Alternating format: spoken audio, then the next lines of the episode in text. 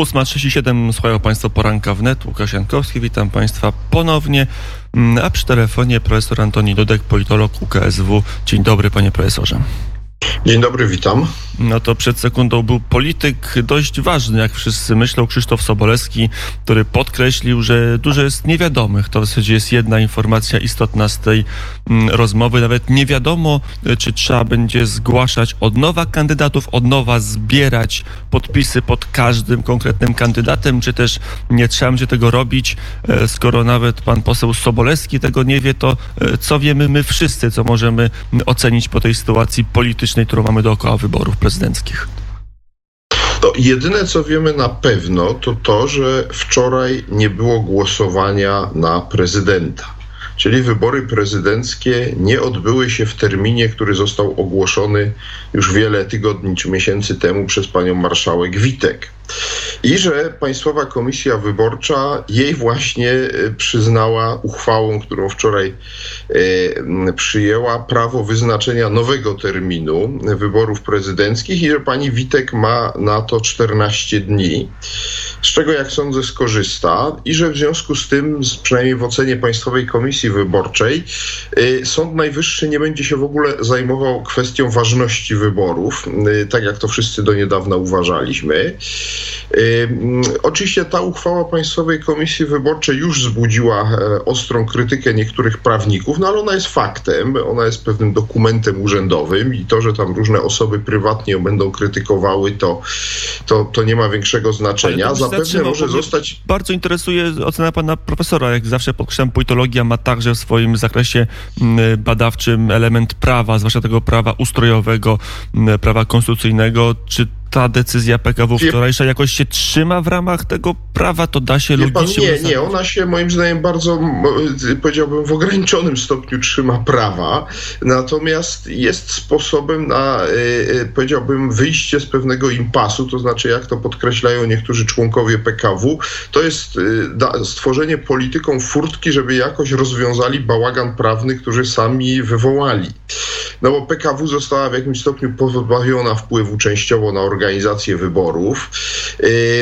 No i okazało się, że te zmiany legislacyjne, które wprowadzono, doprowadziły do sytuacji no, zupełnie niezwykłej, mianowicie takiej, że no, realnie głosowania nie było.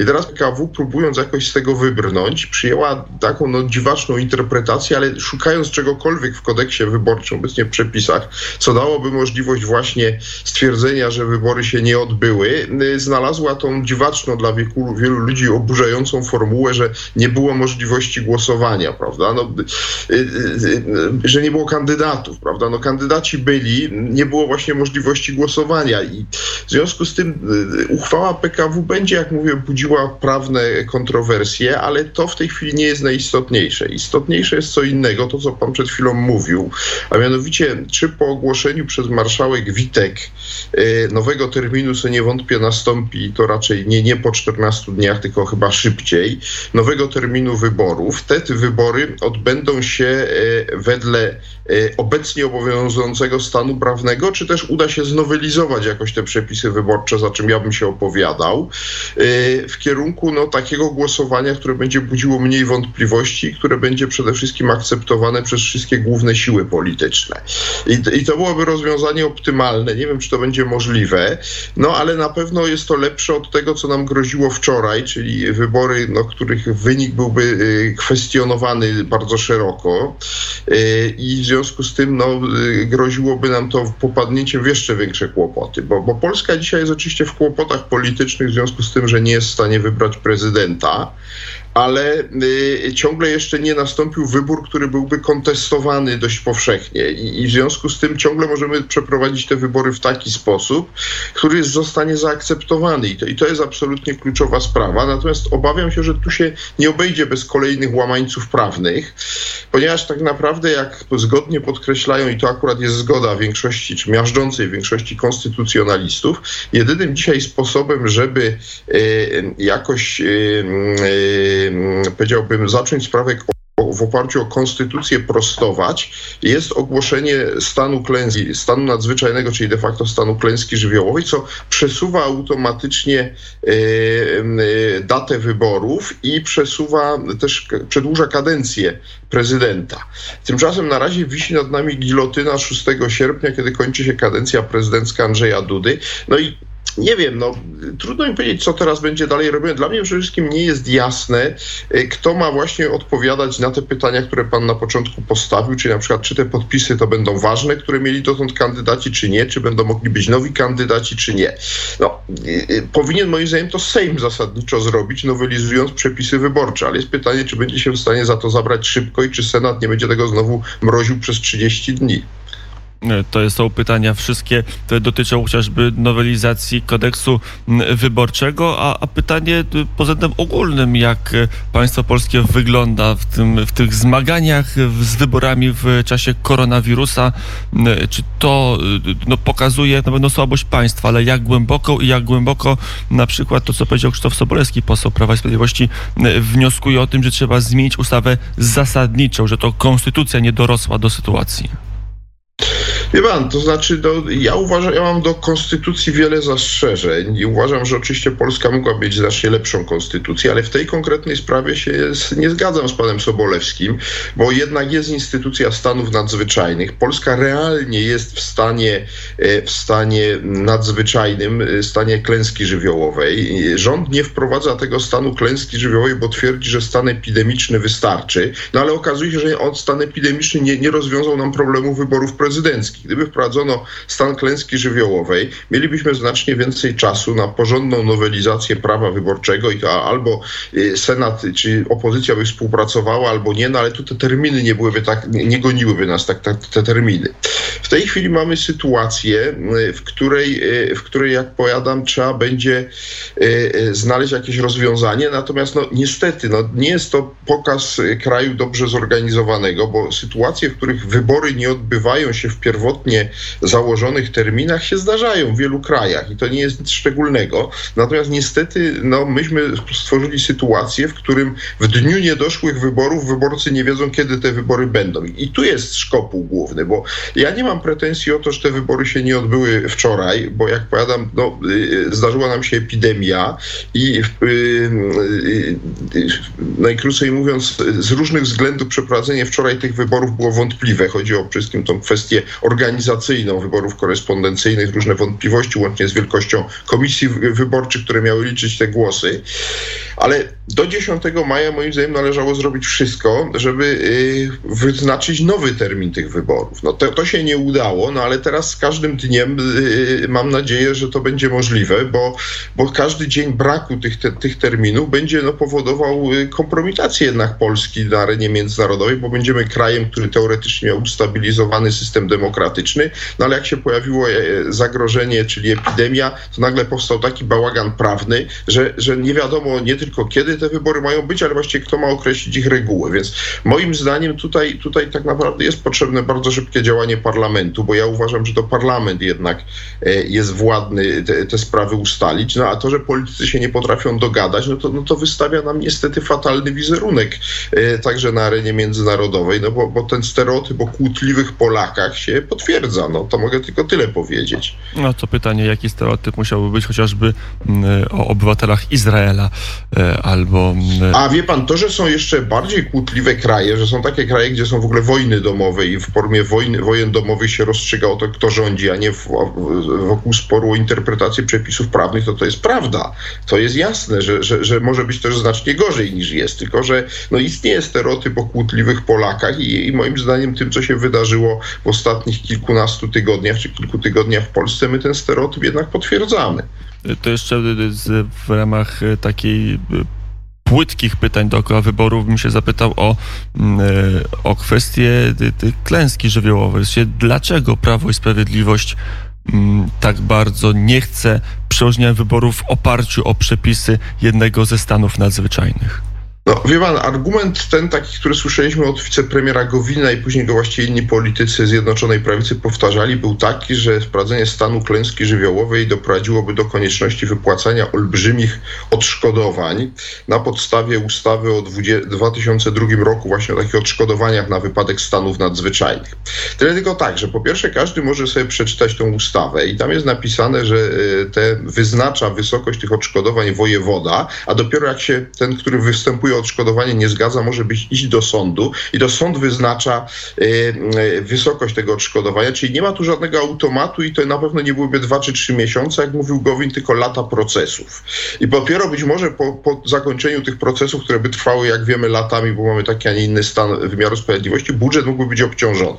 Tyle tylko, że jeśli nawet to jest takie, było takie olbrzymie zagrożenie, to ja chcę zauważyć, że to jest zwykła ustawa i można ją było natychmiast znowelizować i usunąć tam te zapisy, które zdaniem e, rządu groziłyby takimi odszkodowaniami. To wszystko można było zrobić, e, no ale tego nie zrobiono, więc ja nie wiem, jaki jest inny powód, dla którego tego stanu klęski żywiołowej nie, nie ogłoszono. Czy mam inne podejrzenie? Moja interpretacja jest taka, że chodziło o to, żeby jednak doprowadzić do wyborów 10 maja. No bo rzeczywiście, gdyby na przykład w marcu czy w kwietniu ogłoszono stan klęski żywiołowej, choćby nawet na jeden dzień, to on powoduje automatycznie przesunięcie daty wyborów o 90 dni. E, bo zgodnie z konstytucją e, e, po, wybory mogą się odbyć najwcześniej 90 dni po zakończeniu stanu klęski żywiołowej.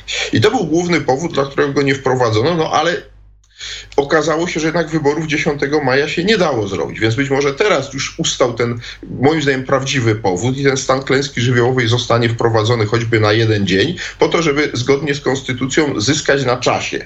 E, mam nadzieję, że ten kierunek myślenia teraz zwycięży w okolicach e, rzeczywistych decydentów, e, bo, bo moim zdaniem to jest rzeczywiście rozwiązanie, które, które wydaje się najbardziej zgodne z konstytucją i daje nam, daje nam rzeczywiście czas na solidne, e, po pierwsze na dalsze oswajanie się z pandemią i solidne przygotowanie nowych wyborów. Moim zdaniem jednak takich, które będą w formie tradycyjnej, a korespondencyjna będzie tylko uzupełniająca dla, dla, dla tych najstarszych obywateli, których rzeczywiście musimy chronić, bo widać dzisiaj wyraźnie, że ta epidemia jest najgroźniejsza jednak no, dla najstarszych Polaków. To znaczy, oczywiście jest niebezpieczna też dla wszystkich, ale y, odsetek zgonów no, dotyczy przede wszystkim najwyższej, tej, tej najstarszej części populacji. Czyli, czyli ja bym szedł w kierunku wyborów tak zwanych mieszanych. Dla, y, powiedzmy, tak jak zresztą było wcześniej przewidywane, tylko że się znowu z tego wycofano, y, czyli że tam były przepisy, które mówiły, że obywatele powyżej 60 roku życia głosują korespondencyjnie, wszyscy młodsi tradycyjnie. I ja myślę, że powinniśmy do tego jednak wrócić. Mm, chociaż potem zaraz podniosą się głosy, czy na pewno zdrowy 60-latek jest bardziej narażony niż ciężko chory 59. Na pewno nie. No nie, to jest oczywiste. Wie pan, to znaczy z tej sytuacji nie ma wyjścia, którego by się nie dało podważać i krytykować. I to, co ja też proponuję, można krytykować. Ja tylko szukam rozwiązania, które wydaje mi się najbardziej, powiedziałbym, najmniej kontrowersyjne z punktu widzenia konstytucji, bo oczywiście ja, mnie osobiście podobał się pierwotny pomysł Gowina o zmianie konstytucji przedłużeniu kadencji Andrzeja Dudy o dwa lata i wtedy w ogóle e, jakby odsuwamy tą sprawę na bardzo odległy czas, kiedy moim zdaniem być może już w ogóle epidemii nie będzie, e, a nawet jeżeli będzie, to będziemy już zupełnie funkcjonować w taki oto sposób, że, że, że no, oswoimy się, mówiąc e, krótko z nią kompletnie. No ale to zostało odrzucone. Uważam, że tu Budka popełnił błąd, bo to też dla Platformy jej politycznych interesów było korzystne rozwiązanie. Odrzucono koncepcję zmiany konstytucji i w związku z tym no, musimy jakoś tego prezydenta wybrać, tak? Bo ja rozumiem, że, że no, chyba, że teraz znowu Platforma zmieni zdanie i będziemy zmieniać konstytucję. Nie wiem. Znaczy, ja, ja wiem jedno. miejsce, gdzie można ten spór rozwiązać jest na ulicy Wiejskiej, w Sejmie e, i Senacie i tam po prostu muszą się odbyć na w końcu poważne rozmowy i mam nadzieję, że one się zaczną już lada dzień, może nawet dzisiaj. E, to przejdźmy teraz do, właśnie do tego, co pan profesor wspomniał, czyli tego praktycznego wymiaru sporu dookoła wyborów prezydenckich, bo może nie będę tego mówić, ale moje osobiste odczucie jest takie, że e, partykularny interes polityczny każdego z kandydatów jest głównym i pierwszym czynnikiem analizy sytuacji i podejmowania decyzji przez e, konkretne stronnictwa polityczne. E, ten wariant, który zdaje się będzie realizowany, czyli pani marszałek Sejmu Elżbieta Witek w ciągu 14 dni ogłosi nowe wybory za 60 dni, jak rozumiem, czyli w ciągu 60 dni, czyli gdzieś tam czerwiec, lipiec będą te wybory. Komu politycznie ten wariant służy, a komu najbardziej może zaszkodzić? Pan, sytuacja jest bardzo dynamiczna. No niewątpliwie on hipotetycznie może zaszkodzić prezydentowi Dudzie, dlatego że nastroje się teraz będą bardzo gwałtownie zmieniały. On był faworytem i ja nie wątpię, że on w maju by wygrał i to zapewne w pierwszej turze, ale też pamiętajmy, że wygrałby przy bojkocie wyborów ze strony y, znaczącej części wyborców opozycji i w y, sytuacji, no, w której y, różne zagrożenie różnymi nieprawidłowościami związanymi właśnie ze sposobem głosowania i później z tych głosów, z tym, że prawdopodobnie w niektórych o, o, okręgach e, te głosy po prostu byłyby liczone dłużej niż 14 dni, czyli tak naprawdę nie wiedzielibyśmy do, do, do hipotetycznej drugiej tury, czy ona ma być, czy ma jej nie być. E, więc podsumowując to wszystko, e, te, te, te, jakby tutaj ryzyko, ryzyko było zbyt duże. Natomiast oczywiście sytuacja dla Andrzeja Dudy może być już w czerwcu czy w lipcu mniej korzystna, ale też no, jest pytanie, czy ta dynamika zmian będzie tak duża, żeby on y, y, y, stracił, stracił, no zapewne przy pełnej frekwencji, czy większej frekwencji, no będzie mu trudno wygrać w pierwszej turze. Ponieważ te wszystkie sondaże sprzed zaburzenia i te, które się w tej chwili pojawiają, sprzed wybuchu epidemii, te, które się teraz pojawiają, dają mu 40 kilka procent. Więc ktoś, dziś to jest Szymon Hołownia, ale tam Kośniak-Kamysz go goni, więc któryś z tych dwóch zapewne wejdzie z Andrzejem Dudą do drugiej tury wyborów, które by się odbyły gdzieś na przełomie czerwca czerwca i lipca, bo zakładam, że w tych wyborach weźmie udział już większość zwolenników kandydatów opozycyjnych, czy może nawet wszyscy, no ale w każdym razie e, zakładam, że i tak frekwencja będzie niższa niż by była, gdyby w ogóle nie było epidemii. Tu nie mam wątpliwości, mi się wydawało do marca, że to będzie najwyższa w ogóle frekwencja w dziejach wyborów prezydenckich. No dziś już nie mam wątpliwości, że raczej będzie najniższa, e, ale to ciągle jest e, kwestia no, tego, kto weźmie udział w tych wyborach. Przy założeniu, że, że jakby ustaną te, te, te, te, te pretensje, te, te zastrzeżenia, zastrzeżenia i te protesty ze strony polityków opozycji, no to ich elektorat weźmie udział. No i wtedy będziemy mieli drugą turę. A jak pan wie, w drugiej turze wszystko jest możliwe. Znaczy, druga tura jest y, y, tak nieprzewidywalna i ona się pewnie będzie w trakcie wakacji już odbywała, bo nawet gdyby ten termin, teraz się mówi o terminie 28 czerwca jako o terminie pierwszej tury, no to druga tura jest po dwóch tygodniach, to już jest lipiec. I tutaj y, naprawdę, poza tym, że frekwencja będzie moim zdaniem niska, to trudno cokolwiek powiedzieć, choć ja twierdzę, że no, hipotetycznie e, elektorat PiSu jest najbardziej zdyscyplinowany i, i chyba jednak najmniej skłonny do wyjechania na wakacje w, w, sytuacji epidemii. W związku z tym to ciągle daje Andrzejowi Dudzie w tej drugiej szansę jakieś potencjalnie większe szanse. Ale, ale jak mówię, to jest już naprawdę dzisiaj tak wszystko zaburzone, że, że ciężko tutaj prognozować. To jeszcze ostatnie pytanie z trochę innej beczki przy telefonie profesor Antoni Dudek, politolog Uniwersytetu Kardynała Stefana Wyszyńskiego, bo chciałem zapytać o fenomen Szymona Hołowni, który e, w ostatnich sondażach e, już bardzo wyraźnie wyprzedza e, Kośniaka Kamysza i jest głównym pretendentem do tego, aby się zmierzyć z Andrzejem Dudą w drugiej turze.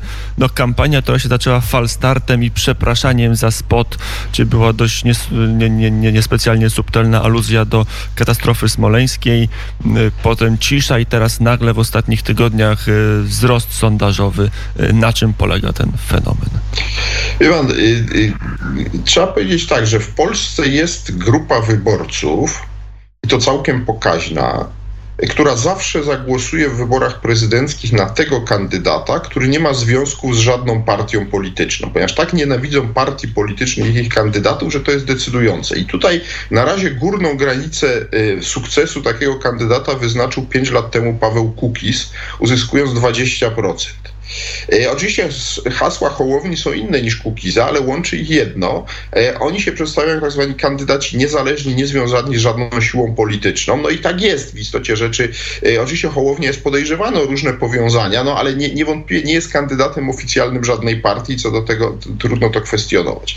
I teraz w połączeniu z jednak z aktywnością w przestrzeni internetowej, którą jak wydaje się on i jego zwolennicy w ostatnich tygodniach przejawiali, to dało mu prawdopodobnie ten wzrost. Tylko jest pytanie, no właśnie jaka jest górna granica tego, czy on może przekroczyć te 20% Kukiza y, i czy Kosiniak, bo, bo być może to mu da wejście do drugiej tury, no co będzie pewną nowością, bo nigdy dotąd ten kandydat, bo oni się pojawiali zawsze przy wcześniejszych też wyborach. To nie, nie jest tak, że Kukiz był pierwszy. Y, no, choćby Olechowskiego przypomnę w roku 2000, bo to też taki bardzo znany kandydat, który też oczywiście w tym czasie nie był kandydatem żadnej partii, a między Olechowskim a Kukizem też by się, też by się tacy kandydaci, tylko że oni dostawali dużo gorsze wyniki, y, znaleźli. Otóż jeśli Hołownia wejdzie do drugiej tury, co będzie absolutnie nowością, bo coś takiego nigdy nie miało miejsca, to na ile będzie w stanie zebrać no, właśnie e, głosy tych wyborców wahających się, no i wyborcy zapewne przeciwników Andrzeja Dudy, no bo, bo, bo, bo jest oczywiste, że, że Andrzej Duda będzie tym drugim w tej drugiej turze. Więc, więc ja dzisiaj nie, nie, nie potrafię tego y, ocenić, natomiast, natomiast moim zdaniem ciągle jeszcze walka między Kośniakiem a Hołownią jest, jest y, y, i, i hipotetycznie oczywiście jeszcze gdzieś w tle jest Krzysztof Bosak, no bo już raczej nie Małgorzata Kidawa-Błońska i, i raczej nie Robert Biedroń, więc, więc, więc e, między tymi dwoma się rozegra jeszcze walka i tutaj e, nie, nie można przewidzieć, który, który z nich dwóch, e, jeśli dojdzie do drugiej tury, zmierzy się z Andrzejem Dudą. Chociaż mi to przypomina inny przypadek Stana Tymińskiego. Wówczas taki antysystemowy kandydat wszedł do drugiej tury, ale to były zupełnie, zupełnie tak, inne to były czasy, wie pan, to były czasy, kiedy Lech Wałęsa i Tadeusz Mazowiecki też nie byli formalnie kandydatami żadnej partii, bo tych partii, partie dopiero raczkowały. Rok 90 jest w ogóle nieporównywalny z jakimikolwiek wyborami późniejszymi. Powiedział profesor Antoni Dudek, politolog UKSW. Dziękuję bardzo za rozmowę. Dziękuję bardzo, pozdrawiam. Za dwie minuty godzina dziewiąta tutaj stawiamy kropkę w dzisiejszym poranku wnet. Jest 11 maja, wczoraj wyborów nie było. Kiedy będą? Trudno mi jest to Państwu e, powiedzieć. Mówi się o 28 czerwca, ale czy to prawda? E, dali Nie wiem, ale wiem, że muszę podziękować Dariuszowi Konkolowi za realizację, Janowi Gromnickiemu za wydawanie i wiem, że muszę Państwa zaprosić na wiadomości i wiem, że muszę się pożegnać. Do usłyszenia.